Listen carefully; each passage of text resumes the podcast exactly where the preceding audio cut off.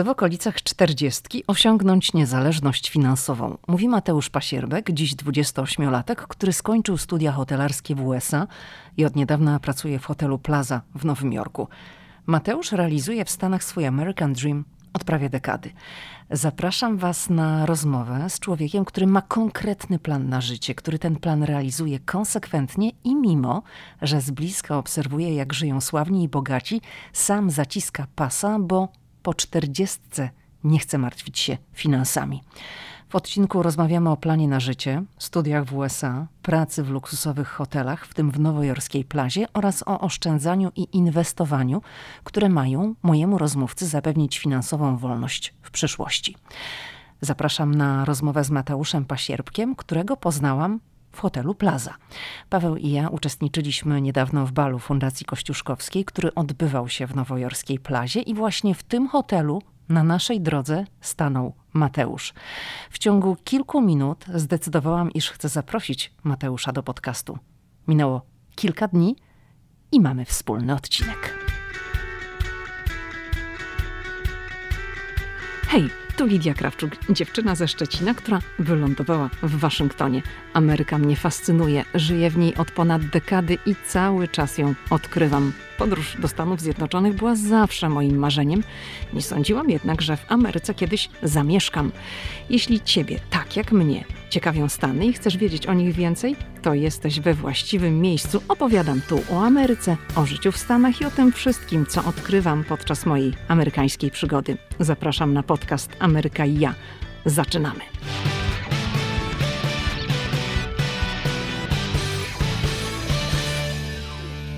Cześć Mateusz.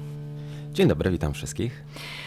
Mateusz, kiedy poznaliśmy się niedawno bardzo i powiedziałeś mi trochę o sobie, kilka zdań, to od razu pomyślałam sobie prawdziwy American Dream. Po maturze w Polsce, bo jesteś z Warszawy, wyjazd do Kalifornii i rozpoczęcie tam studiów, szczęście, bo wylosowałeś zieloną kartę, podróże w międzyczasie, praca w znanych i luksusowych hotelach – w międzyczasie pandemia i pauza, ale też uzyskanie amerykańskiego obywatelstwa, a teraz praca w hotelu Plaza. Ta plaza w Nowym Jorku. To tak w skrócie. O tobie i o tym, co się wydarzyło w Twoim życiu na przestrzeni kilku ostatnich lat. Będziemy o tym wszystkim dzisiaj sobie rozmawiać. To może zacznijmy od początku, od Twojego wyjazdu do USA po maturze. Jak to było i dlaczego była to Kalifornia? Tak, oczywiście. No, jest to dosyć długa podróż, bym powiedział. Dosyć sporo się działo w ostatnich latach. E, no i w tym momencie jestem w Nowym Jorku i pracuję w plazie, no ale wszystko zaczęło się jakiś czas temu. Dokładnie w 2007 to była moja pierwsza podróż do Stanów e, z rodzicami. E, wyleciałem do Nowego Jorku, ale jeszcze jakby wracając troszeczkę wcześniej, przed 2007 Chciałem zaznaczyć, że no w sumie to wszystkie te podróże są dzięki e, moim rodzicom. Moja mama jest e, stewardessą, mój tata pracuje, ma swoją agencję reklamową e, i dzięki temu udało mi się podróżować po całym świecie właśnie dzięki nim.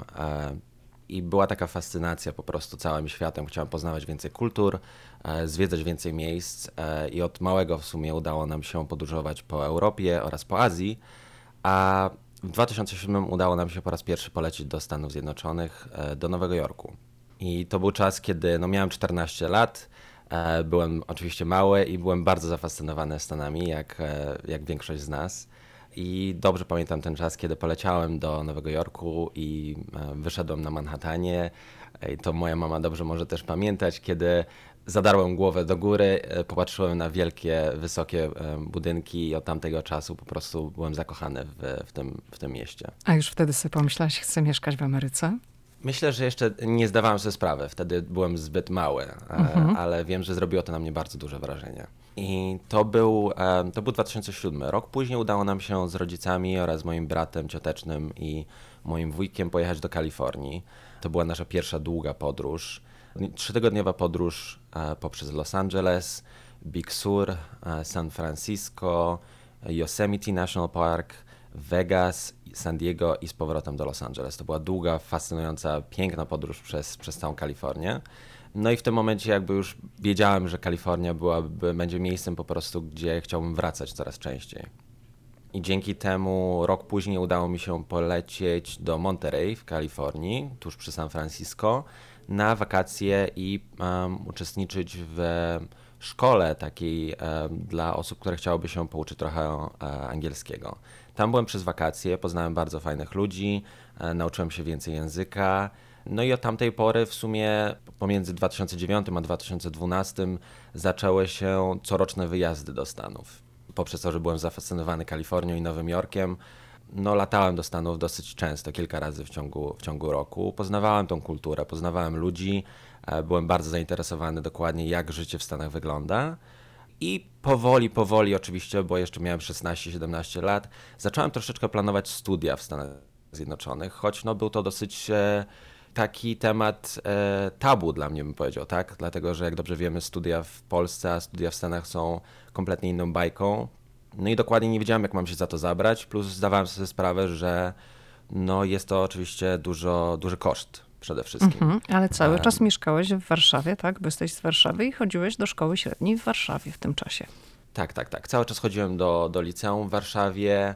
Um, i, i, zacząłem po prostu dowiadywać się więcej, jak mogłyby te studia wyglądać. A do którego liceum chodziłeś? Do liceum BEMA, które jest przy, w, w Mokotów, w galerii, koło Galerii Mokotów, że tak powiem, czyli na mhm. Mokotowie. E, I tam jak zacząłem, zacząłem po prostu dowiadywać się więcej a propos tych studiów poprzez, poprzez ambasadę, poprzez różne fora w internecie, e, zacząłem sobie po prostu delikatnie planować razem z moim tatą i z mamą, jak ten wyjazd mógłby wyglądać poprzez to, że jakby no, gram w tenisa od, od, od, od, odkąd jestem mały i uwielbiam oczywiście e, miejsca, gdzie jest ciepło, no to postanowiłem sobie, że chciałem wyjechać albo na Florydę, albo do Kalifornii. E, były to dwa stany, które mnie interesowały pod względem tego oczywiście, że jest ciepło, no a jak dobrze wiemy e, i Floryda i Kalifornia są to dwa stany, gdzie tenis jest bardzo popularny. Także moim takim marzeniem byłoby wyjechać właśnie do koledżu, gdzie byłaby duża szkółka tenisowa, mógłbym grać w tenisa, byłoby ciepło, mógłbym poznawać więcej kultur oczywiście. No i zacząłem e, interesować się tym coraz bardziej. Ale to był też czas, kiedy zacząłem też uczestniczyć w różnych konkursach. Był to, dobrze pamiętam, był jeden konkurs wiedzy o Stanach Zjednoczonych E, w którym wziąłem udział i tak no nieskromnie mówiąc e, zająłem pierwsze miejsce, pamiętam kilka lat temu. Dlaczego nieskromnie? No zająłeś, no to, no to gratuluję ci bardzo. Mhm, to był, rozumiem, mm. konkurs gdzieś tam w Polsce organizowany, tak? Tak, to był ogólnopolski konkurs wiedzy mhm. o Stanach Zjednoczonych. Tutaj moja nauczycielka, pani Magdalena Juzoń, jakby bardzo mnie do tego wspierała, pomagała mi w tym wszystkim, także dzięki temu, dzięki tym przygotowaniom dużo dowiedziałem się a propos Stanów Zjednoczonych i jakby poszerzyłem swoją wiedzę na ten temat. A ten konkurs, wygranie tego konkursu, coś ci dawało? Dobrze pamiętam, że pierwszym za wygranie właśnie tego konkursu, za pierwsze miejsce było, był jakby darmowy kurs angielskiego w szkole Linguanowa na kilka miesięcy. No ale przez to, że ja uczestniczyłem, ja chodziłem do szkoły British Council w Warszawie, no to zastanawiałem się, czy zamiast tego mógłbym dostać jakby coś innego w zamian, w zamian za to.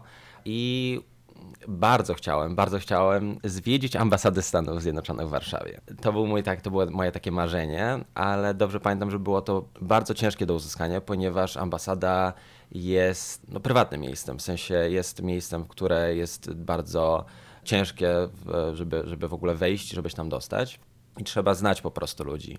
E, no i tak w skrócie mówiąc, e, poprzez znajomości, poprzez e, moją mamę, poprzez kilka innych osób, udało mi się zwiedzić ambasadę, także dobrze to pamiętam, jak pewnego dnia tam poszedłem i udało mi się poznać kilka osób, zwiedzić taki sklepik, który też mają ze wszystkimi artykułami amerykańskimi. Dostałem bardzo ciekawe informacje i jakby też dowiedziałem się więcej, jak te studia też mogą wyglądać, tak, bo to też mnie bardzo interesowało. No i, i jak to się wszystko wydarzyło. Jak poleciałeś do Kalifornii, rozumiem, że maturę zdałeś w Polsce. Była to matura międzynarodowa, czy taka zwykła polska matura?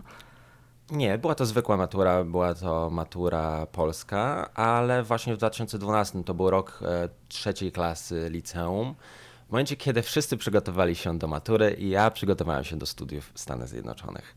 Co to postawiłem znaczy? wszystko na jedną kartę. To znaczy postawiłem wszystko na jedną kartę.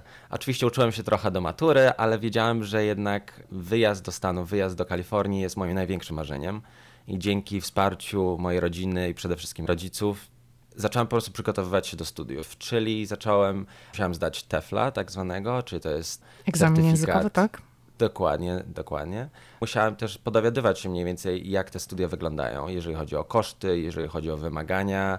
E, musiałem zacząć pisać maile do różnych uczelni, no ale postawiłem wszystko na jedną kartę i zaaplikowałem w sumie tylko i wyłącznie do trzech koledżów na, w Kalifornii, w Orange County i w Los Angeles. I w tym momencie um, skończyłem maturę, udało mi się uzyskać maturę.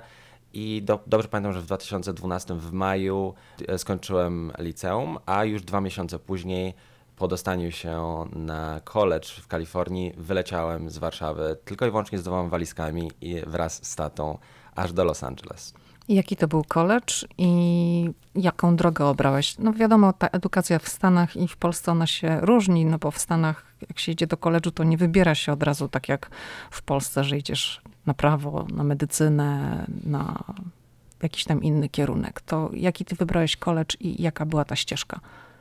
Tak, ja wybrałem e, Cypress College w Orange County w Kalifornii. Moją ścieżką było hotelarstwo. Zawsze wiedziałem, że chcę pracować w hotelarstwie dzięki mojej mamie, która jakby no już pracuje od, od bardzo dawna w lotnictwie i zawsze pasjonowało mnie po prostu podróże i praca z ludźmi. Także wiedziałem, że, że chcę iść w tym kierunku. E, I w momencie, kiedy wleciałem w 2012, poleciałem na studia. Studiowałem tam przez jeden rok na koledżu. No ale niestety rok później zaczęły się e, problemy finansowe i miałem wybór. No, miałem wybór albo, żeby wrócić do Polski, do Warszawy i albo pójść na studia, albo zacząć pracę możliwe, albo wylecieć do Kanady. Um, do Kanady dlatego, że mamy tam znajomego, z rodzicami mamy tam znajomego, który w Calgary pracuje i ma własną kawiarnię. I była po prostu możliwość, żeby wlecieć do Kanady, zarobić dodatkowe pieniądze i mm, prawdopodobnie wrócić do Kalifornii na studia i kontynuować po prostu tą ścieżkę eduka edukacyjną. Czyli rozumiem, że przez ten pierwszy rok studiów rodzice ci pomagali finansowo, dzięki nim mogłeś studiować, no ale tam wydarzyły się jakieś problemy i nie byli w stanie tego udźwignąć, dlatego była ta decyzja o wyjeździe do Calgary w Kanadzie. Tak, dokładnie. Studia wtedy mniej więcej kosztowały około 25 tysięcy dolarów za rok. E, no to było dużo, dużo, dosyć dużo pieniędzy.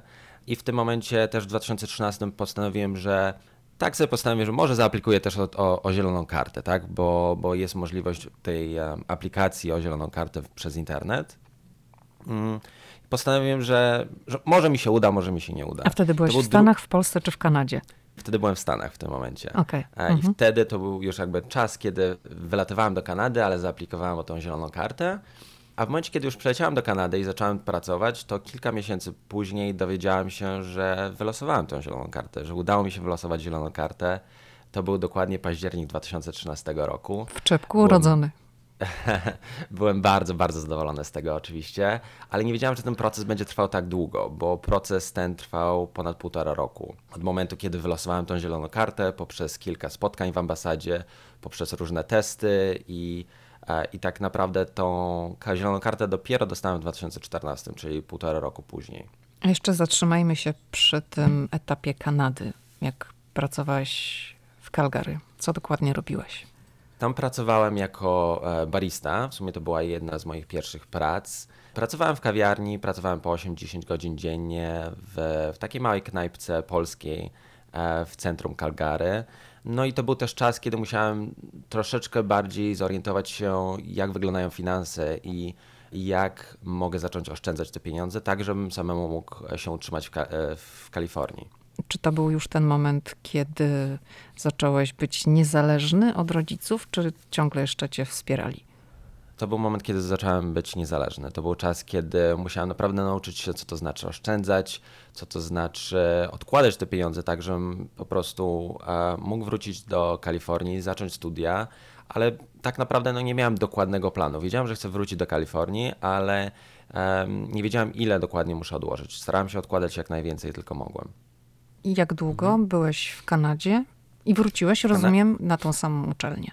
Tak, tak, tak. W Kanadzie byłem 8 miesięcy. Był to czas dosyć ciężki pod względem tego, że była to jedna z e, zim, kiedy było minus 37 stopni. To dobrze pamiętam, także Kanada dała mi dobrze w kość. I wróciłem po 8 miesiącach do Kalifornii. A tam słoneczko. A tam słoneczko, tam było ciepło, tam mogłem grać tenisa i oczywiście była, była kompletnie inna bajka. I w tym samym czasie też e, zaczęłam moją pierwszą pracę. E, moja pierwsza praca w Stanach w też małej kawiarni nazywała się PDM e, w Newport Beach w Kalifornii. Też byłem jako, pracowałem jako barista przez kilka miesięcy, tak żeby dorobić sobie po prostu jakieś dodatkowe pieniądze na college. Już miałeś doświadczenie zawodowe. Tak, dokładnie. Miałem troszeczkę doświadczenia. Udało mi się też wrócić na mój community college w Cypress. I w tym momencie zaczęła się e, moja, że tak powiem, historia, jeśli chodzi o podejmowanie różnych prac w różnych miejscach, dlatego że no, co prawda miałem zieloną kartę, ale jednak utrzymanie się w Stanach Zjednoczonych, a przede wszystkim w Kalifornii samemu jest, jest bardzo, bardzo drogie oczywiście. Także musiałem e, nie tyle, że chodzić na, nie tylko chodzić na uczelnię oczywiście, ale dodatkowo pracować. Zazwyczaj miałem dwie prace przez kilka lat. Także moją drugą w sumie pracą była praca w resorcie, e, Resort at Pelican Hill w Newport Beach. Tam też byłem baristą, ale pracowałem też jako private bar attendant. E, to były dwie takie prace, gdzie w takim miejscu, które było naprawdę bardzo prestiżowe. E, jest to resort pięciogwiazdkowy, pięknie położony nad, nad oceanem, z cudownym widokiem na pole golfowe, jest naprawdę fantastyczne miejsce, jedno z najlepszych, w którym na pewno pracowałem. Mateusz, chciałem Cię zapytać o Twoich rodziców, bo podkreślasz, że to dzięki nim to wszystko się w dużej mierze wydarzyło, bo i wspierali Cię finansowo, i pokazali Ci świat, bo wspólnie podróżowaliście, kiedy byłeś młodszy o wiele. Jak Twoi rodzice reagowali na te wszystkie Twoje wybory? Rozumiem, że Cię wspierali i no, kibicowali ci i to też chyba jest duży udział ich w tym wszystkim, że twoje życie toczy się jak się toczy, bo no nie było tego hamulca, tak przypuszczam, gdzie, nie gdzie ty tam pojedziesz, w ogóle sam nie poradzisz sobie. Jak, jak to wyglądało? Tak, no y, bardzo, bardzo mnie wspierali, cały czas wspierają, ale e, zdecydowanie te pierwsze początki wydaje mi się, że nie były łatwe, szczególnie dla mojej mamy, ponieważ e, jestem jedynakiem. Taki pomysł, żebym ja wyleciał prosto z Warszawy aż do Los Angeles, e, tyle tysięcy kilometrów, może nie był idealny, chociaż wiedziałem, że mama zawsze będzie mnie wspierać w tym, co chcę robić. Zawsze rodzice w sumie mówią, że jeżeli chciałbym wylecieć do Stanów, jeżeli chciałbym wylecieć gdziekolwiek do Azji, to zawsze będą tam, to zawsze będą mnie wspierać i jeżeli cokolwiek będę potrzebował, to zawsze mogę się do nich zwrócić. No, mamy bardzo dobry e, związek pomiędzy nami. Dobrze, to wróćmy do Kalifornii i do tego momentu, kiedy masz dwie prace i rozumiem, że jeszcze w tym czasie studiujesz. Jak długo studiowałeś w Kalifornii? Studia były cały czas poprzez od 2012 do 2019 roku. Podczas tego czasu też zmieniałem różne, różne prace, różne miejsca pracy. Po momencie, kiedy skończyłem pracę w Pelican Hill po, po 8 miesiącach, zacząłem pracę w Orange Hill Restaurant. To jest też bardzo cudownie położona restauracja na wzgórzach Orange County z widokiem na Los Angeles i hrabstwo Orange County i tam pracowałem jako kapitan bankietowy, tak to, tak to mówimy, kapitan bankietowy, czyli taki znaczy? bardziej supervisor, menadżer bankietowy. Miałem pod sobą e, zespół mniej więcej 5-7 osób i zarządzałem bankietami, wydarzeniami, urodzinami, ale przede wszystkim weselami na, w, takiej, w, w restauracji. E, tam pracowałem przez 3 lata, ale też po, w tym samym czasie w sumie zacząłem też pracę w Mariocie. E, I w Mariocie zacząłem pracę jako kelner bankietowy, ponieważ już miałem doświadczenie i, i była to, było to miejsce dosyć blisko położone od mojego koledżu. W tym, w tym samym czasie, to był rok 2017, udało, pod koniec roku 2017 udało mi się zrobić transfer z tego koledżu, z Cypress College na pełnoletni, cztero, na, na czteroletni Uniwersytet Cal Poly Pomona, czyli California Polytechnic University Pomona w Los Angeles. Jest to uniwersytet e, czteroletni, e, położony w Los Angeles i bardzo, bardzo, od bardzo dawna chciałem się tam dostać, ponieważ e, szkoła hotelarska w tym właśnie na tym właśnie uniwersytecie od bardzo dawna jest numer jeden w, całym, w całej Kalifornii. Także mm, no, jest to nie tylko, że prestiż, ale też oczywiście dowiadywanie się więcej a propos całego hotelarstwa. Także w 2017 udało mi się zrobić ten transfer oraz e, zrobić też transfer z pracy. Z, z Mariota udało mi się zrobić transfer do Sheratona w Los Angeles, gdzie kontynuowałem moją, e, moją pracę jako kelner bankietowy. I jak zrobiłeś ten transfer z jednej uczelni na drugą, to zostało ci zaliczone część tego mm, studiowania, tego okresu, czy znowu zaczynałeś od zera? Jak to było? Nie, nie, nie, nie. Miałem, miałem wszystkie, wszystkie zajęcia po prostu i wszystkie unity, jak to się mówi, które zrobiłem w Cypress College, bez problemu transferowały się na, e, na Cal Poly Pomone. E, także dzięki temu na Pomonie byłem tylko i wyłącznie półtora roku, ale te półtora roku były naprawdę fantastyczne pod względem nauki, pod względem poznawania ludzi i pod względem też różnych podróży ponieważ udało mi się wyjechać razem z uniwersytetem do Nowego Jorku, do San Diego. Podróżowaliśmy po różnych konferencjach hotelarskich, poznawaliśmy dużą ilość e, fantastycznych ludzi. Dzięki temu ta moja pasja i, i zainteresowanie całym hotelarstwem po prostu było czymś, co wiedziałem, że chcę robić w przyszłości. To co się wydarzyło, jak skończyłeś uczelnię? Skończyłeś Uniwersytet Hotelarstwo i no wtedy przyszedł czas, tak zakładam, na taką pracę już na wyższym stanowisku niż stanowisko kelnera. No byłeś po studiach. Tak, byłem już po studiach, także wiedziałem, że chcę pójść w stronę managementu. Wiedziałem, że chcę zarządzać, wiedziałem, że będę miał więcej czasu na to.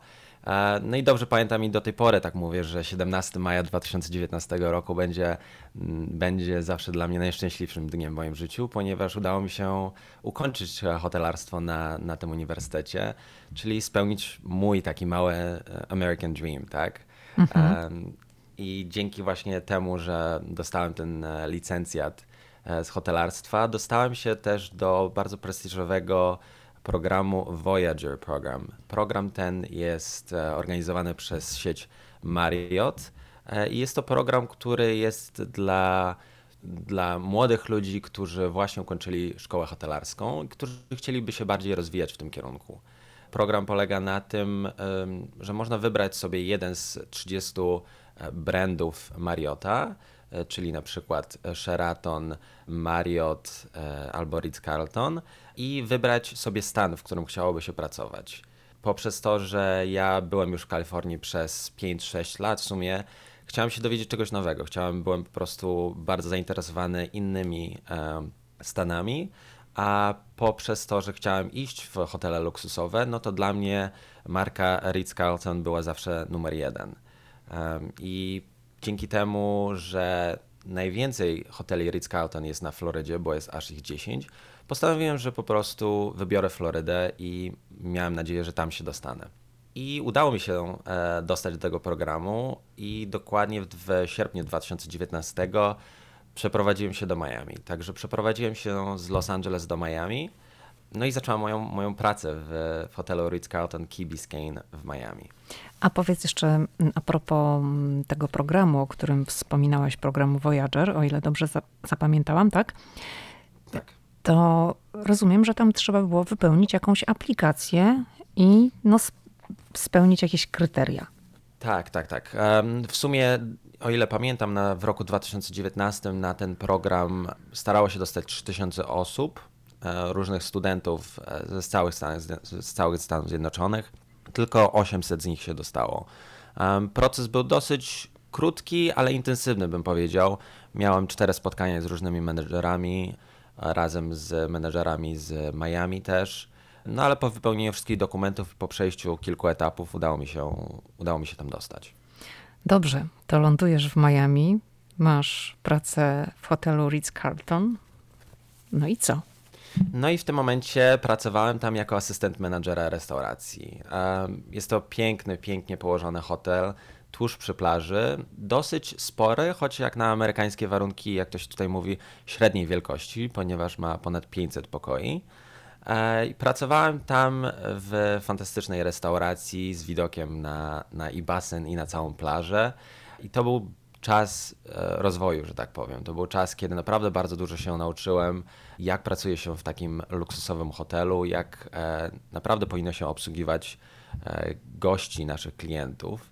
No, ale niestety program ten dosyć szybko dla mnie się skończył poprzez pandemię, ponieważ program zakładał, że będę tam równo 12 miesięcy, ale po 6 miesiącach na początku 2020 roku no, zaczęła się pandemia i niestety nie było aż tak kolorowo.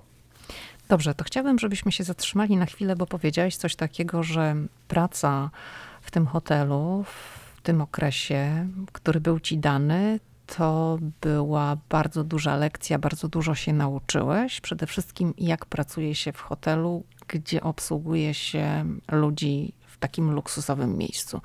To chciałabym, żebyś to rozwinął i powiedział nam coś więcej na temat specyfiki tej pracy i czego właśnie się tam nauczyłeś.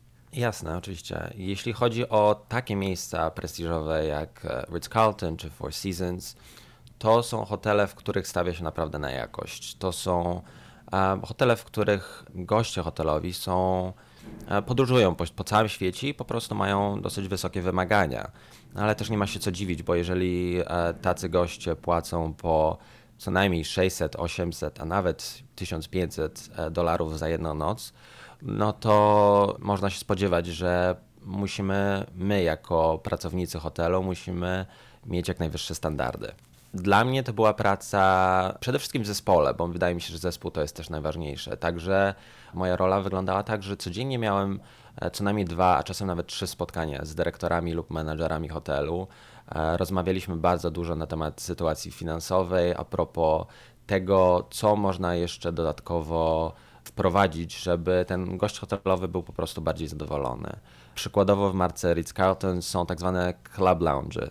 Club lounge to są takie miejsca, gdzie gość hotelowy, gość, który płaci premium, ma możliwość dostania się do tego lounge'u, który zazwyczaj jest na wyższym poziomie, wyższej kondygnacji hotelu. E, no i dzięki temu ma dostęp do e, na przykład śniadań, obiadów, e, kolacji. No i jest to jakby bardziej spersonalizowane takie doświadczenie dla tego gościa hotelowego. Czyli rozumiem, że uczyłeś się, jak jeszcze bardziej zadowolić sławnych i bogatych. Dokładnie, dokładnie tak było. Ale tak jak mówiłem, no niestety to trwało tylko i wyłącznie 6 miesięcy, ponieważ podczas pandemii zostałem zawieszony, tak jak w sumie ponad 80% pracowników zostało zawieszonych. A że były to początki pandemii, no to był, był strach, szczególnie w Miami, szczególnie w, na Florydzie, kiedy te, e, ta pandemia dopiero się rozwijała, a ja nie wiedziałem dokładnie, kiedy będę wracał do pracy.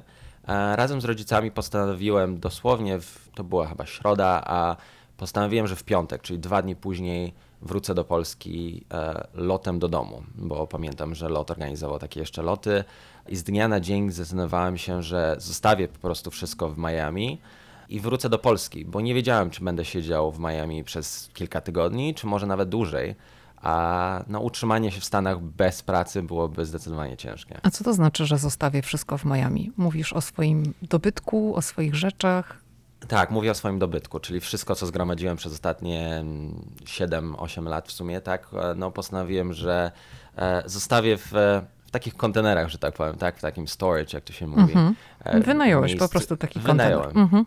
Tak, wynająłem i zostawiłem tam na, no, na czas nieokreślony w sumie.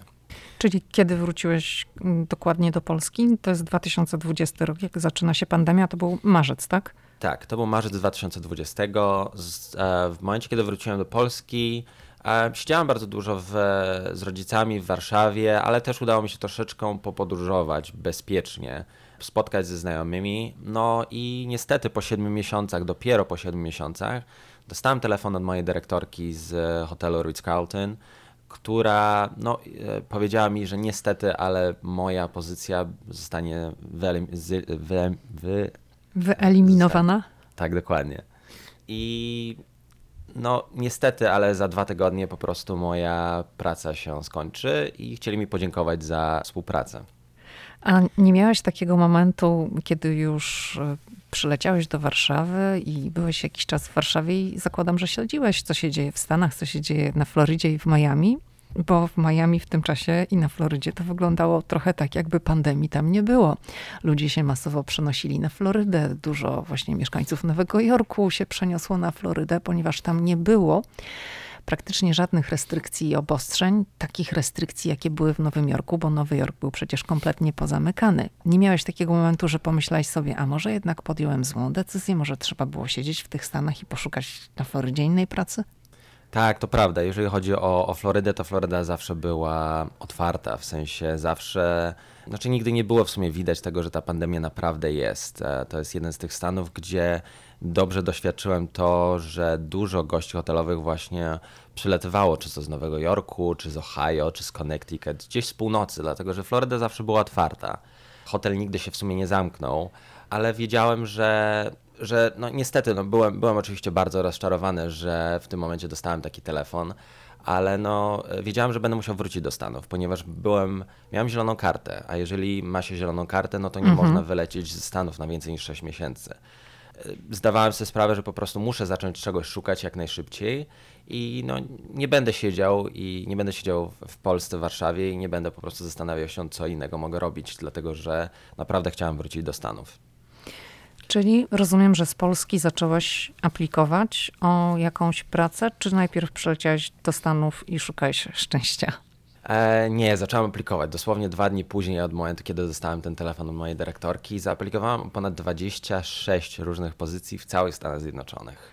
Było to od Florydy po Ohio, po Hawaje, po nawet Wyoming. Szukałem czegokolwiek, bo był to czas, kiedy wiedziałem, że chcę wrócić do hotelarstwa i no też oczywiście była kwestia czasu, tak? Ponieważ już byłem tyle czasu w Polsce, że wiedziałem, że muszę wrócić jak najszybciej do Stanów. Na szczęście udało mi się dostać pracę na Florydzie w Marco Island, który jest że tak powiem, po drugiej stronie Florydy. Od Florydy, strony Zatoki Meksykańskiej. Mhm. Dokładnie, dokładnie tam. E, I dzięki temu, że tam dostałem pracę, to przeprowadzka z Miami do Marco Island, która trwa mniej więcej półtorej godziny, może dwie godziny samochodem, no nie była na tyle, nie była takim problemem, tak, jeżeli miałbym się przeprowadzić powiedzmy, że z Miami aż do, do Wyoming. Przeprowadziłeś się na Marco Island, tam rozumiem dostałeś pracę w swojej branży, w hotelarstwie. Co robiłeś tym razem? Tak, tam pracowałem e, jako asystent e, menadżera restauracji i był to hotel ciekawy. Ciekawy pod względem tego, że był to największy hotel, w jakim pracowałem, bo miał ponad 800 pokoi. E, był to duży resort, bardzo popularny wśród rodzin, ale też gości, którzy właśnie podróżowali z północy Stanów Zjednoczonych. Wielki hotel pod względem też ilości restauracji i tak zwanych outlet, outletów e, F&B, czyli różnych e, możliwości, gdzie goście mogą skorzystać z tych usług, tak? E, było ich ponad 12. Ja pracowałem w restauracji najmniejszej, ale no, najbardziej obłożonej. Była to restauracja na plaży, a ja pod sobą miałem 55 osób i codziennie mieliśmy około 1500-1700 gości hotelowych, którzy e, przychodzili do tej restauracji. Także było to naprawdę e, duże przedsięwzięcie. Czyli tak jakbyśmy po polsku powiedzieli, to był po prostu wielki moloch. Tak, można tak powiedzieć, dokładnie. Mhm. E, pracowałem tam przez 8-9 miesięcy, bo co prawda może to brzmieć fantastycznie, że Floryda, że ciepło, że mieszkałem na wyspie, ale no jeżeli się mieszka gdzieś i pracuje, no to chyba e, inaczej się troszeczkę na to patrzy, ponieważ dla mnie była to praca 10, 12, czasem nawet więcej godzin dziennie, przez 5, czasem nawet 6 dni w, e, w ciągu tygodnia. Także i ja na to patrzyłem troszeczkę inaczej, bo to była tylko i wyłącznie praca i dom, i dom, i praca. Starałem się skorzystać oczywiście z tych dni wolnych. Zacząłem swój własny podcast też wtedy, pamiętam. Zacząłem po prostu grać też w tenisa z powrotem, ale wiedziałem, że to nie jest coś, e, co ja chcę robić w przyszłości. Wiedziałem, że jednak e, brakuje tutaj tego luksusu, brakuje tutaj tego mm, indywidualnego podejścia do gościa hotelowego. Brakowało mi po prostu tego, że że mogę porozmawiać z tym gościem hotelowym i naprawdę dowiedzieć się o czymś, e, czegoś więcej. Ponieważ no, jeżeli jest ponad 1500 osób, które przewija się, brzydko mówiąc, przez restaurację codziennie, no to nie mam takiego bezpośredniego kontaktu e, z taką osobą. Czyli rozumiem, że podjęłaś wtedy decyzję, że trzeba szukać innej pracy. Tak. E, I to był też czas dosyć ciekawy dla mnie, ponieważ w kwietniu tego roku minęło już ponad 6 lat, odkąd dostałem zieloną kartę. A już po pięciu latach e, posiadania takiej zielonej karty można aplikować o obywatelstwo. I postanowiłem, że, że jest to dobry czas, że jest to czas, żeby aplikować o to obywatelstwo. W momencie, kiedy e, zaaplikowałem o obywatelstwo właśnie e, amerykańskie, to był w sumie koniec roku 2021. Ja, przepraszam, to był, rok, to był koniec roku 2020. Udało mi się uzyskać to obywatelstwo w kwietniu 2021 roku. Gdzieś składałeś ślubowanie na Florydzie? Tak, tak, tak. Składałem ślubowanie w Fort Myers, dosyć blisko Marco Island ale poprzez, że była to pandemia, był to czas pandemii, było to mniej więcej tylko i wyłącznie, o ile dobrze pamiętam, może pięć albo sześć osób podczas tego ślubowania. Także było to bardzo skromne e, wydarzenie. I mm, uzyskanie amerykańskiego obywatelstwa otworzyło ci kolejne drzwi. Zielona karta otwiera bardzo dużo, ale jednak do niektórych prac trzeba mieć obywatelstwo. Tak, tak, tak, dokładnie. Chociaż Powiem, e, że w momencie, kiedy dostałem obywatelstwo, byłem oczywiście bardzo podekscytowany tym, że, że w końcu udało mi się uzyskać już e, no, ten ostatni krok, że tak powiem, ale też chciałem się dowiedzieć czegoś więcej i chciałem jeszcze więcej podróżować. Chciałem jak, jak, jak dobrze słychać, właśnie nie, nie jestem osobą, która może usiedzieć w jednym miejscu No słychać. A, a, od bardzo, bardzo dawna, odkąd jestem mały, bardzo interesuje mnie Azja, szczególnie Azja Południowo-Wschodnia. E, miejsca też takie jak Singapur czy Tajlandia, Laos, Kambodża. To są miejsca, które też mają fantastyczne miejsca pracy, świetne hotele pięciogwiazdkowe. A w momencie, kiedy dostałem obywatelstwo, to zdawałem sobie sprawę po prostu, że zawsze mogę tutaj wrócić. Zawsze mogę wrócić do Stanów i, i znaleźć sobie pracę. Także postanowiłem kolejny krok w moim życiu, który było wyprowadzką ze Stanów Zjednoczonych po ponad 9 latach mieszkania tutaj w, w Stanach. Czyli poczekaj, realizujesz ten swój American Dream. Krok po kroczku, zielona karta, uzyskujesz obywatelstwo, masz je już w garści, mówisz, dobra, czas stąd wyjeżdżać. I to było, dokładnie tak się stało. W momencie, kiedy uzyskałem obywatelstwo, pierwszy telefon, który wykonałem, to był telefon do moich rodziców. I powiedziałem, mamo, tato, dostałem obywatelstwo i wylatuję do Azji. A co oni na to? E, no, nie byli zdziwieni, bo wiedzieli, że mam takie plany od dosyć dawna i oczywiście, że mnie wspierali. E, I teraz była po prostu tylko kwestia tego, jak dokładnie się e, za to zabiorę i jak ta wyprowadzka będzie wyglądać, bo przeprowadzka z Kalifornii na Florydę nie była dosyć ciężka logistycznie, no ale przeprowadzka po 9 latach mieszkania w Stanach aż do Azji, no trzeba było troszeczkę się nad tym zastanowić. Ale chyba z tą przeprowadzką tak nie do końca halo, dlatego że teraz jesteś w Nowym Jorku i pracujesz w plazie i zaraz o tej plazie porozmawiamy, ale co się z tą Azją wydarzyło? Tak, no z Azją niestety mm, no, nie, nie udało się poprzez no, pandemię, ponieważ bardzo chciałem wylecieć do Singapuru, chciałem pracować albo w Tajlandii, albo, albo właśnie w tych e, krajach, które, które mnie bardzo interesują, ale poprzez pandemię i mnóstwo restrykcji nie było możliwości dostania wizy, nie było możliwości dostania jakiejkolwiek pracy. I wróciłem do Polski z, ze wszystkimi, że tak powiem, rzeczami na około 6-7 miesięcy. Udało mi się też troszeczkę podróżować, spotkać ze znajomymi.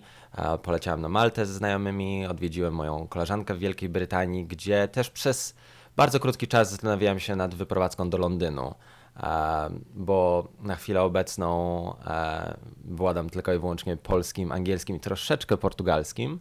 A w Europie, jeżeli chodzi o hotelarstwo, no to trzeba znać ten język. E, a jeżeli chodzi o, o pracę w, w Europie, no to Londyn wydał się, wydawał się idealnym miejscem na to, żeby podjąć taką pracę, ponieważ w Londynie są, są, jest, jest też dużo fantastycznych hoteli. Wiesz, Mateusz, ale z tego, co opowiadasz, to ja mam takie wrażenie, że ta Ameryka ci w pewnym momencie już zaczęła odbijać się czkawką, że miałeś dość Stanów, bo jednak mm. podjąłeś decyzję, że no, nie udało się z Azją, to jednak wolisz wrócić do Polski niż zostać w Ameryce. To znaczy, nigdy nie miałem planu, żeby wrócić w sumie do Polski. Do Polski wiedziałem, że chciałem wrócić do Europy. Wiedziałem, że też e, Szukałem czegoś po prostu nowego. Zawsze szukam czegoś, takich doświadczeń, żeby czegoś się dowiedzieć, nauczyć, poznać ludzi. Po tylu latach w Stanach wydaje mi się, że już na tyle znam tą kulturę i wiem, jak wygląda hotelarstwo, że chcę się dowiedzieć czegoś nowego. No, mam dopiero 28 lat i wiem, że, że, że tak powiem, całe życie mam jeszcze przed sobą. I w momencie, kiedy mam takie możliwości podróży i, i, i poznawania różnych kultur po całym świecie, no to jak nie teraz, to, to, to, jak nie teraz, to kiedy, tak? W sumie to jest takie pytanie. Mhm. Dobrze, to wróciłeś do Polski, gdzieś ten Londyn ci tam po drodze się wydarzył, ale też nie zagrzałeś tam za dużo miejsca. Rozumiem. Nie, tam byłem tylko kilka dni. Szukałem też pracy, ale no nie udało się. A pod koniec 2021, w październiku dokładnie, postanowiłem z mamą, była taka bardzo luźna propozycja, dosłownie 3-4 dni przed tym wylotem, Zadzwoniła do mnie mama, e, ja akurat wtedy byłem na Malcie ze znajomymi, mama do mnie zadzwoniła się spytała, co ja myślę o tym, żeby polecieć do Nowego Jorku na kilka dni, tak żeby pochodzić, pozwiedzać, e, odwiedzić naszych znajomych. To miał być ja taki wyjazd po prostu z mamą, tak? Tak, miał być wyjazd z mamą na cztery dni. Ja powiedziałem oczywiście, że nie ma problemu, że możemy polecieć, e, pochodzić, po, pozwiedzać, porobić zdjęcia. I przylecieliśmy do Nowego Jorku na kilka dni, ale po dwóch, trzech dniach znajoma, u której teraz w sumie mieszkam, e, spytała się, czy mógłbym zostać troszeczkę dłużej i pomóc jej w kwestiach rodzinnych i, i, i w pracy. Ja powiedziałem, że oczywiście nie ma problemu, ponieważ cały czas szukam pracy w Azji i w Londynie i że mogę tutaj zostać, e, także, także nie ma żadnego problemu. I z tych czterech dni zrobiło się w sumie dobre sześć miesięcy.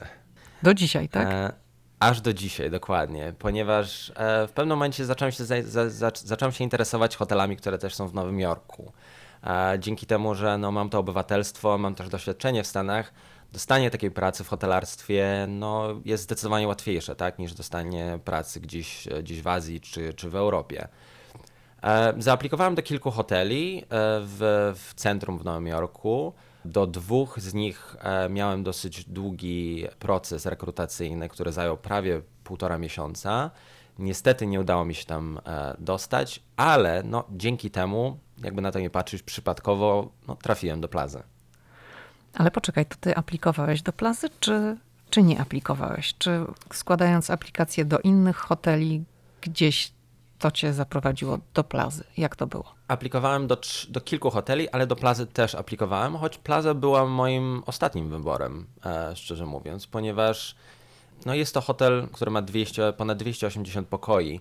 Także jest to dosyć spory hotel pod, pod względem oczywiście ilości tych pokoi, tak? Mnie interesują bardziej hotele butikowe albo takie bardziej spersonalizowane dla gości, które mają poniżej 100 pokoi. Także no Plaza nie była moim pierwszym wyborem, ale w momencie, kiedy zaaplikowałem i udało mi się przejść przez dwie, trzy rozmowy rekrutacyjne e, i kiedy dostałem właśnie wiadomość, że dostałem tą pracę, no to wtedy dopiero zdałem sobie sprawę, gdzie będę pracował i jakie jest to prestiżowe miejsce. Dobrze, to powiedz nam, na czym polega Twoja praca w hotelu Plaza i jakie masz stanowisko? Ja w Plazie pracuję od e, półtora miesiąca na chwilę obecną. E, jestem, pracuję jako Guest Experience Supervisor. Jest to całkowicie nowa dla mnie pozycja, ponieważ przez ostatnie 10 lat, tak jak wspominałem, pracowałem głównie w restauracjach, w bankietach, byłem baristą. Także w tym momencie zajmuję się w sumie VIP-ami, ale też gośćmi hotelowymi, którzy przyjeżdżają na kilka albo nawet kilkanaście dni do hotelu. Ja razem z moim, moją grupą dwóch, e, dwóch osób zajmujemy się właśnie, tak jak się mówi, pre-arrival, arrival i departure, czyli pokrótce mówiąc, e, musimy mieć pewność, że taki gość hotelowy, który przyjeżdża do hotelu, ma zapewniony jak najwyższy standard w hotelu, tak? i obsługi wszystkiego, co się dzieje, no bo Plaza to jest hotel, w którym też doba kosztuje co najmniej kilkaset albo i powyżej tysiąca, półtora tysiąca dolarów, zależy od e, pokoju, jaki gość wybiera. Tak, dokładnie tak jest. Rozumiem, że ciebie można spotkać w holu, jak się zaraz wchodzi, i tam witasz gości i rozmawiacie ze sobą, czy po prostu mówisz, witamy w hotelu Plaza, życzymy przyjemnego pobytu? Jak to się odbywa? Tak, mnie można spotkać e, w holu, można mnie spotkać w restauracji, w lobby. Ja jestem odpowiedzialny w sumie za to, żeby gość hotelowy, który wchodzi do tego hotelu po raz pierwszy, naprawdę poczuł, że jest w tym prestiżowym miejscu, że my, my jako zespół jesteśmy naprawdę dla niego. Ja nie tylko odpowiadam oczywiście za to, co się dzieje w momencie, kiedy gość hotelowy wejdzie do tego hotelu, ale też e, później kontaktuję się z takimi gośćmi albo osobiście, albo przez telefon, e, sprawdzając, czy, mm, czy ten gość hotelowy naprawdę doświadczy, że tak powiem, tego, jak my to mówimy, Plaza Experience. Hotel Plaza, o którym rozmawiamy, czyli ikona Nowego Jorku, ale właścicielem jest chyba indyjska korporacja, prawda? Sahara tak, to India to się mhm. nazywa, tak? Tak jest. Bo ten właściciel się zmieniał, czyli taka e, amerykańska ikona, ale w e, obcych rękach. Możemy naszym słuchaczom przy okazji powiedzieć, że pod koniec lat 80. Plazę kupił były już teraz prezydent Donald Trump. Trump sprzedał ten hotel w 1995 roku. Powiedz, czy jak jesteś w tym hotelu, to czujesz, że to jest takie kultowe miejsce? Myślę, że każdy to czuje e, i to się widzi, dlatego że w momencie, kiedy e, ja jestem albo w lobby, albo nawet na, na zewnątrz hotelu, widzę, jak dużo osób przechodzi obok tego hotelu i zawsze robi dużo zdjęć. E, dużo osób też się pyta, czy w ogóle może wejść do tego hotelu, żeby zobaczyć. To powiedz od razu, czy można.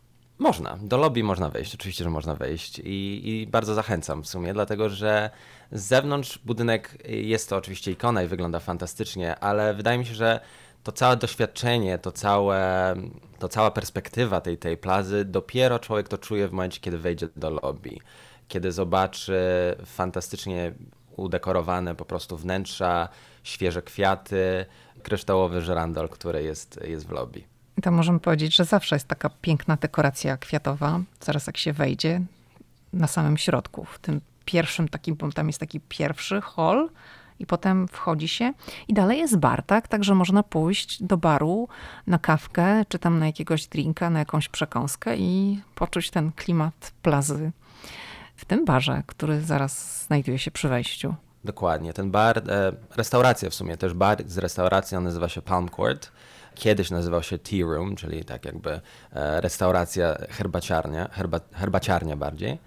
Jest to cudowne miejsce, fantastycznie, e, fantastyczne miejsce z ręcznie zdobionym szklanym dachem, z dużą ilością kwiatów. Są też palmy i piękny też bar. I to, to, to, wszystko w sumie można zobaczyć nawet w filmie Wielki Gatsby e, z 1974 roku. Tak jak mówiliśmy, plaza to jest kultowe miejsce, w którym spały koronowane głowy, prezydenci, gwiazdy filmowe, celebryci tutaj się zatrzymywali, Beatlesi, Rolling Stonesi, Marilyn Monroe, królowa Elżbieta II, prezydent Kennedy, czyli same sławy. Czy, czy ty wiesz, czy hotel w jakiś sposób to akcentuje, uwypukla? Jest jakaś może księga albo jakaś sala, jakiś pokój, gdzie są fotografie z tymi wszystkimi ludźmi? Czy, czy jest coś takiego w plazie? W plazie jako tako, jak się wchodzi albo chodzi się po lobby, to może tego nie widać, chociaż... No, no nie widać. E, nie widać tego aż tak bardzo. Jest oczywiście bardzo duża ilość książek, e, podcastów na ten temat i wydaje mi się, że jeżeli chodzi o samą plazę, no to Kevin e, sam w Nowym Jorku jest tutaj jakby podstawą tego całego hotelu. Mateusz, to chciałam Cię zapytać, czego my nie wiemy o hotelu. Ja wiem, że o wielu rzeczach Ty nie możesz mówić, bo wiadomo, że każdy hotel dba o dyskrecję i sprawy gości są sprawami gości. Ale wiesz, ja nawet nie chciałabym, żeby ten odcinek miał taki plotkarski charakter. Bardziej interesują mnie takie sprawy nieoczywiste, może związane z historią, takimi ciekawymi rzeczami na temat samego hotelu, jakim jest Plaza. Jasne, oczywiście. Myślę, że ten hotel jest. E fantastycznym przykładem do tego, co działo się kiedyś w tym hotelu, ponieważ no, tak jak wspominałaś, było to miejsce, gdzie bardzo dużo celebrytów przyjeżdżało i w sumie cały czas przyjeżdża do tego hotelu, ale myślę, że dobrze byłoby zacząć od tego, jak ten hotel powstał, ponieważ hotel ten został zbudowany w 1907 roku, także ma już e, ponad 100 lat, co rzadko zdarza się oczywiście e, w Stanach Zjednoczonych A tutaj jedną z ciekawostek, którą mogę powiedzieć, to, że w 1907 roku, w momencie kiedy hotel się otworzył, pierwszym gościem hotelowym był Alfred Vanderbilt. Była to osoba, był to 30-letni, bardzo znany milioner. Mhm. E, w tym momencie, on w, tamtym, w tamtych czasach podjechał on właśnie karetą e, pod samo wejście plazy i wynajął aż pięć pokoi, w tym e, jedną dla służby.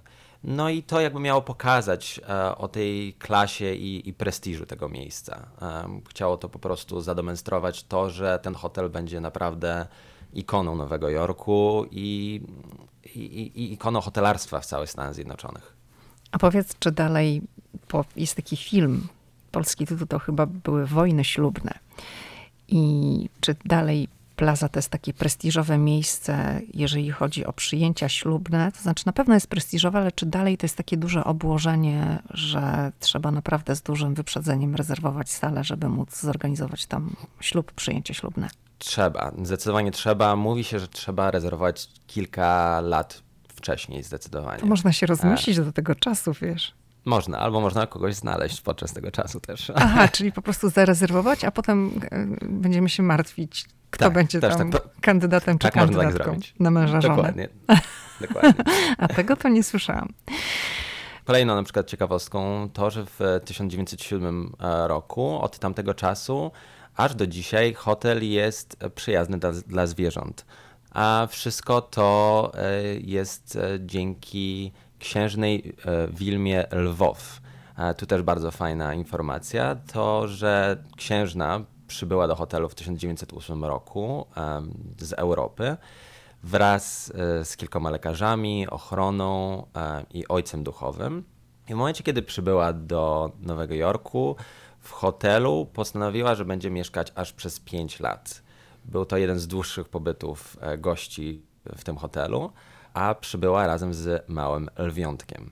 A, czyli powiedziałeś, że jest przyjazny dla zwierząt, nie powiedziałeś dla psów. Czyli jeżeli ktoś na przykład, no, nie wiem, ma świnię i przyjdzie ze świnią, to też będzie przyjęty do plazy?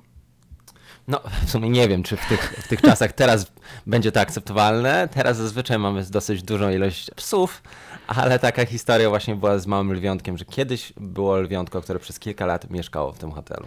Ja ci zadałam to pytanie i podałam przykład świni nie bez powodu, wiesz, bo były tutaj jakiś czas temu w Stanach taka burza nawet powiedziałabym w mediach, dlatego że Amerykanie nadużywali latania ze swoimi psami na pokładzie samolotu i te psy miały status takiego emocjonalnego wsparcia.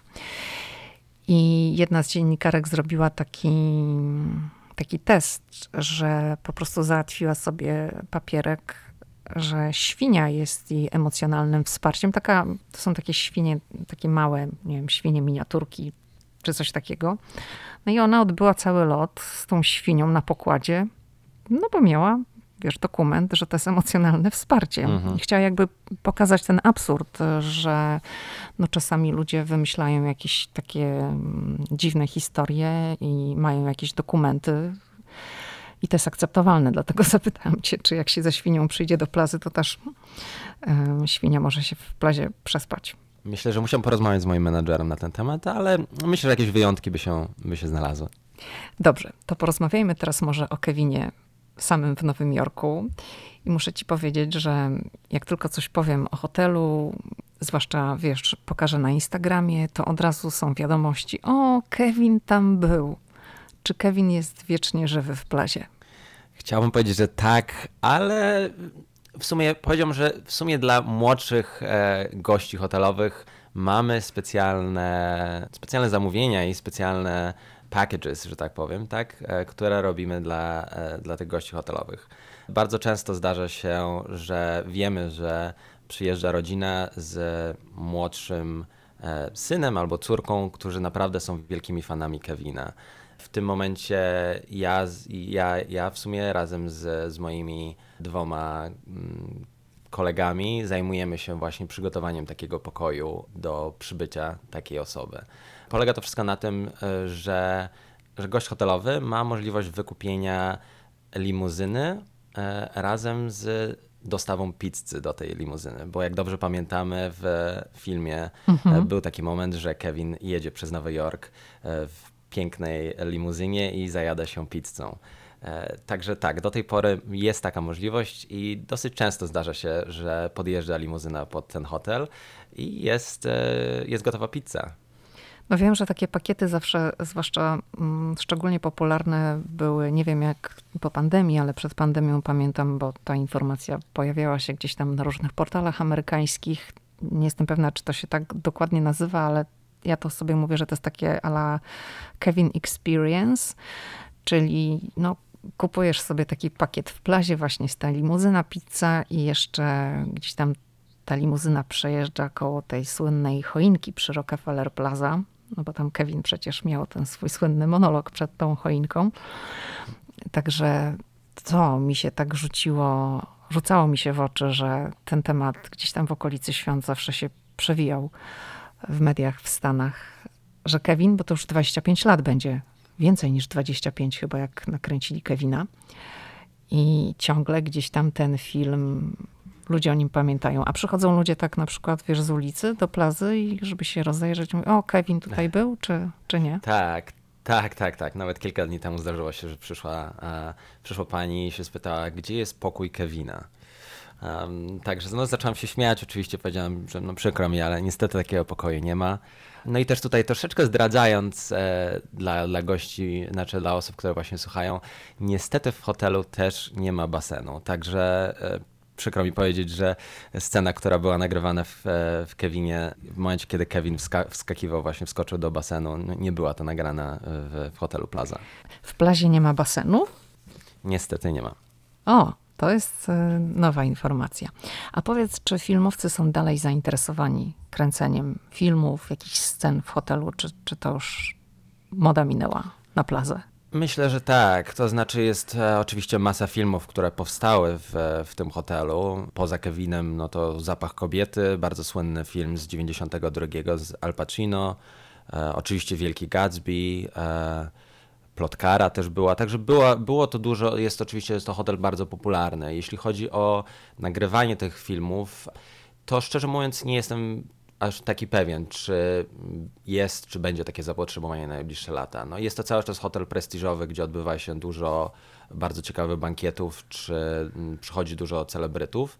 Także myślę, że, e, że na pewno wydarzy się jeszcze nie jeden tutaj film. Powiedz, czy, no bo pracujesz tam na razie krótko, to jest twoja nowa praca, ale czy czujesz, że praca w takim miejscu otworzy ci drzwi do jeszcze lepszych ofert? Myślę, że jest to fantastyczne doświadczenie, no i, i posiadanie tego właśnie na, na moim CV, no wydaje mi się, że na pewno otworzy mi E, drzwi do, do kolejnych perspektyw, tak? E, tak jak wspominałaś, jest to fantastyczne miejsce, ale no jest to pozycja dosyć dla mnie nowa, gdzie chciałbym się dowiedzieć czegoś więcej, chciałbym się nauczyć i oczywiście awansować.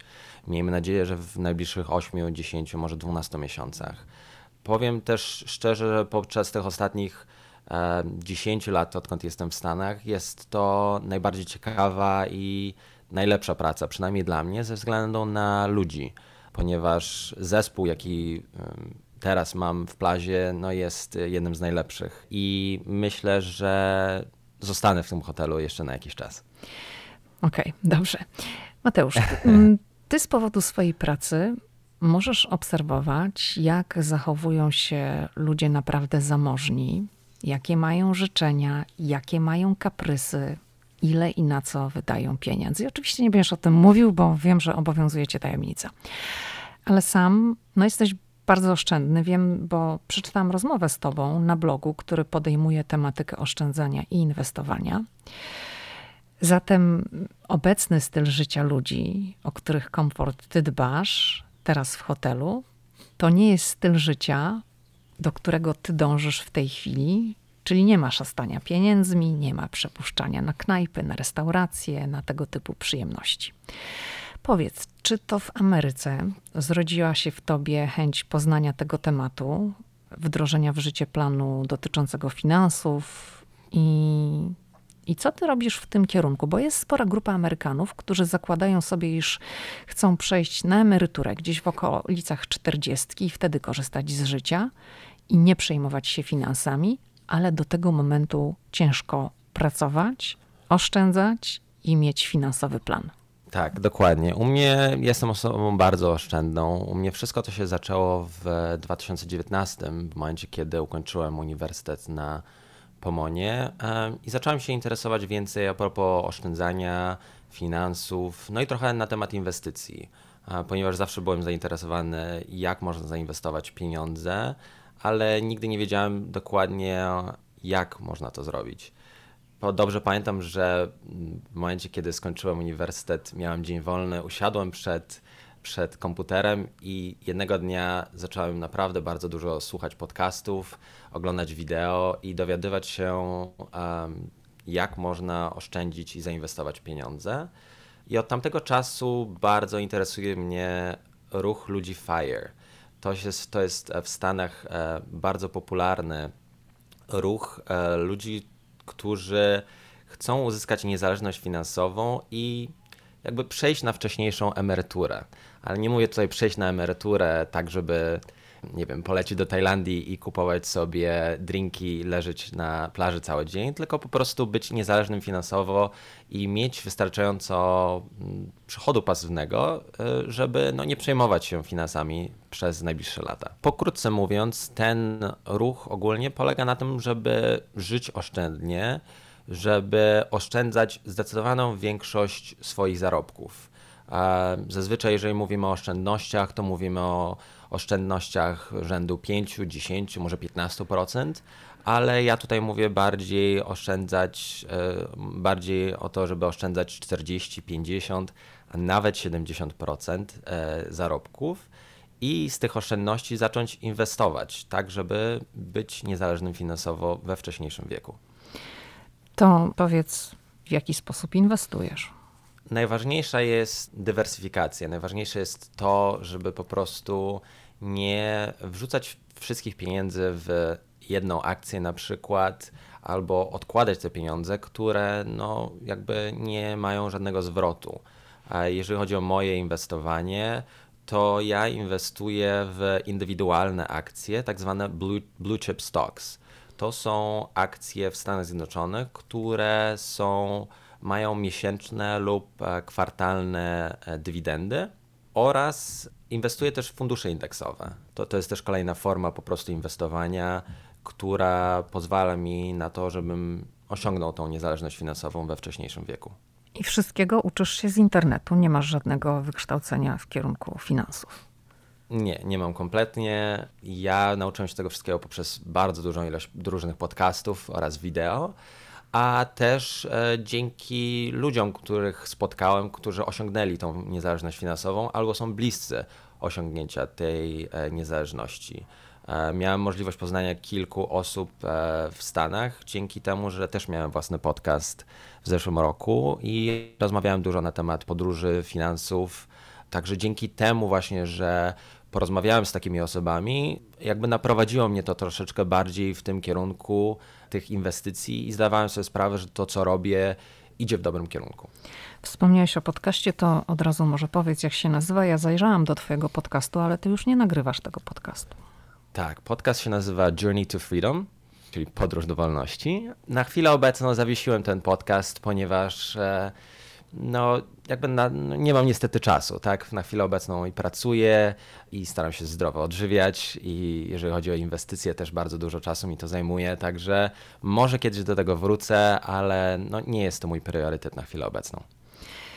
Mateusz, powiedz, czy w twojej grupie rówieśniczej oszczędzanie i to podejście do finansów to jest rzecz popularna? Może rozgraniczmy tutaj dwie grupy. Grupę Twoich polskich znajomych i grupę Twoich amerykańskich znajomych, bo rozumiem, że Ty zaliczasz się do tej grupy ludzi tutaj w Stanach, która właśnie chce osiągnąć tą niezależność finansową w okolicach 40, żeby nie przejmować się kompletnie pieniędzmi. Więc jak w gronie Twoich znajomych, jakie jest podejście do, do tego tematu? Myślę, że w Stanach Zjednoczonych jest dosyć większe, szersze pojęcie a propos finansów są jakby lepsze perspektywy i więcej można się dowiedzieć w internecie. Jest to temat, który jest e, bardziej popularny, ale też szczerze mówiąc, przynajmniej pośród moich znajomych w wieku tam 20-30 lat nie jest to priorytet niestety.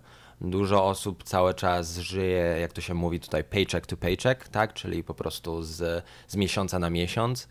E, jeśli chodzi o oszczędzanie, no to powiedzmy, że niektórzy zdają sobie sprawę, że e, warto oszczędzać albo oszczędzają to 5-10%, ale jeśli chodzi o inwestycje, to znam może, może dwie, trzy osoby, które naprawdę się tam jakoś interesują.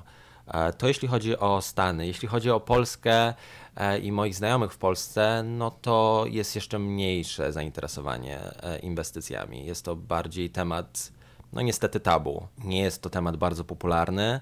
Ja staram się jakoś poszerzać tą, tą wiedzę, poszerzać informacje, które ja uzyskałem i, i moją, um, moje plany na przyszłość ale zdaję sobie sprawę, że no jeżeli chodzi przynajmniej o osiągnięcie takiej niezależności finansowej, no to nie mówimy tutaj o kilku tysiącach dolarów, tylko kilkuset, a czasem nawet ponad e, milionach, że tak powiem, dolarów, tak? Także to jest też inna perspektywa, że tak powiem. Tu trzeba mieć inne nastawienie i inny pogląd do pieniędzy, bo e, jak to, jak to się mówi, no to nie jest sprint, tylko to jest maraton. To nie jest coś, co można zrobić w ciągu dwóch, trzech lat, tylko bardziej trzeba patrzeć na długoterminowe podejście. Ja jestem w stanie sobie wyobrazić, że mm, w tym momencie wielu słuchaczom zapala się czerwona lampka i myślą sobie, kurczę, to może ja też zacznę się interesować tym tematem. To gdybyś miał powiedzieć tym osobom, którym właśnie zapaliła się taka lampka, że może warto by zacząć się interesować. Od czego zacząć? Może coś polecisz? Jasne. Myślę, że zanim w ogóle zaczniemy inwestować albo oszczędzać, zacząć spłacać kredyt, co jest oczywiście bardzo ważne. Myślę, że jeśli ktoś jest naprawdę zainteresowany tym, żeby osiągnąć tą niezależność finansową i przejść na tą wcześniejszą emeryturę, czyli nie przechodzi na emeryturę w wieku 60, może nawet wcześniej, czyli 50, nawet 40 lat, jeśli, jeśli ktoś może oczywiście, to najważniejsze jest to, żeby zmienić nastawienie oraz pogląd do pieniędzy. E, ważne jest to, żeby naprawdę zastanowić się, na tym, że jest to, że trzeba zredukować po prostu te wydatki i zacząć prowadzić e, budżet, zacząć e, zastanawiać się, co w danym miesiącu, na co, na co dokładnie wydajemy pieniądze, bo bardzo często większość osób po prostu chodzi na zakupy, wydaje pieniądze, ale jakbym ja miał się kogoś spytać, ile dokładnie ta osoba wydała powiedzmy, nie wiem, w styczniu na jedzenie. Jeżeli ta osoba nie wie, no to myślę, że to jest dobry moment, żeby zacząć e, prowadzić ten budżet i jakby zacząć lokować te, te pieniądze i zacząć naprawdę zastanawiać się nad tym, ile więcej pieniędzy można zacząć e, oszczędzać. A edukować się w kwestii finansów? Gdzie? Zdecydowanie, zdecydowanie. E, myślę, że na chwilę obecną jest taka duża ilość podcastów w internecie, taka duża ilość wideo na YouTubie, czy duża ilość książek, że naprawdę wszystkiego można się samego, samemu nauczyć. Myślę, że bardzo łatwo byłoby coś znaleźć. Jak tylko się wpisze niezależność finansowa, podcasty i wideo, jest naprawdę dużo informacji w internecie. Dobrze. Mateusz, masz 28 lat. Gdzie się widzisz w okolicach 40?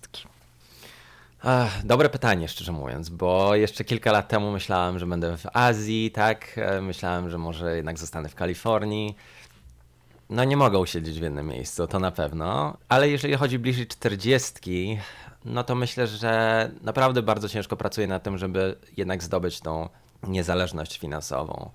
E, żeby naprawdę przestać przejmować się pieniędzmi i, i mój plan, przynajmniej na chwilę obecną, jest taki, żeby więcej podróżować, jeszcze więcej podróżować, poznawać nowe kultury i przede wszystkim spędzać czas z rodziną, bo dopiero zacząłem sobie z tego zdawać sprawę, kiedy byłem w Kalifornii e, i byłem tak daleko od rodziców i od rodziny w sumie, że zacząłem sobie zdawać sprawę, że czas naprawdę szybko płynie i dobrze by było, żebym był bliżej ze wszystkimi i mógł więcej z nimi mógł e, czasu spędzać.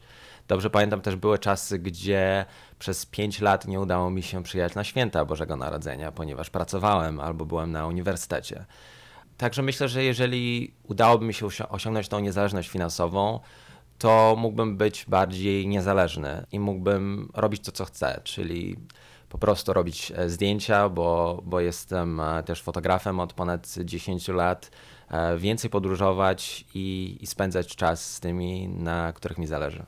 Mówisz ciągle o tej niezależności finansowej, mówisz o podróżowaniu, ale ja chciałam Cię jeszcze zapytać, właśnie jak się widzisz? Czyli widzisz się na leżaczku z drinkiem z palemką i to jest ta wizja, czy, czy to jest coś innego? Niekoniecznie. Wiem, że to na pewno kiedyś e, nastąpi.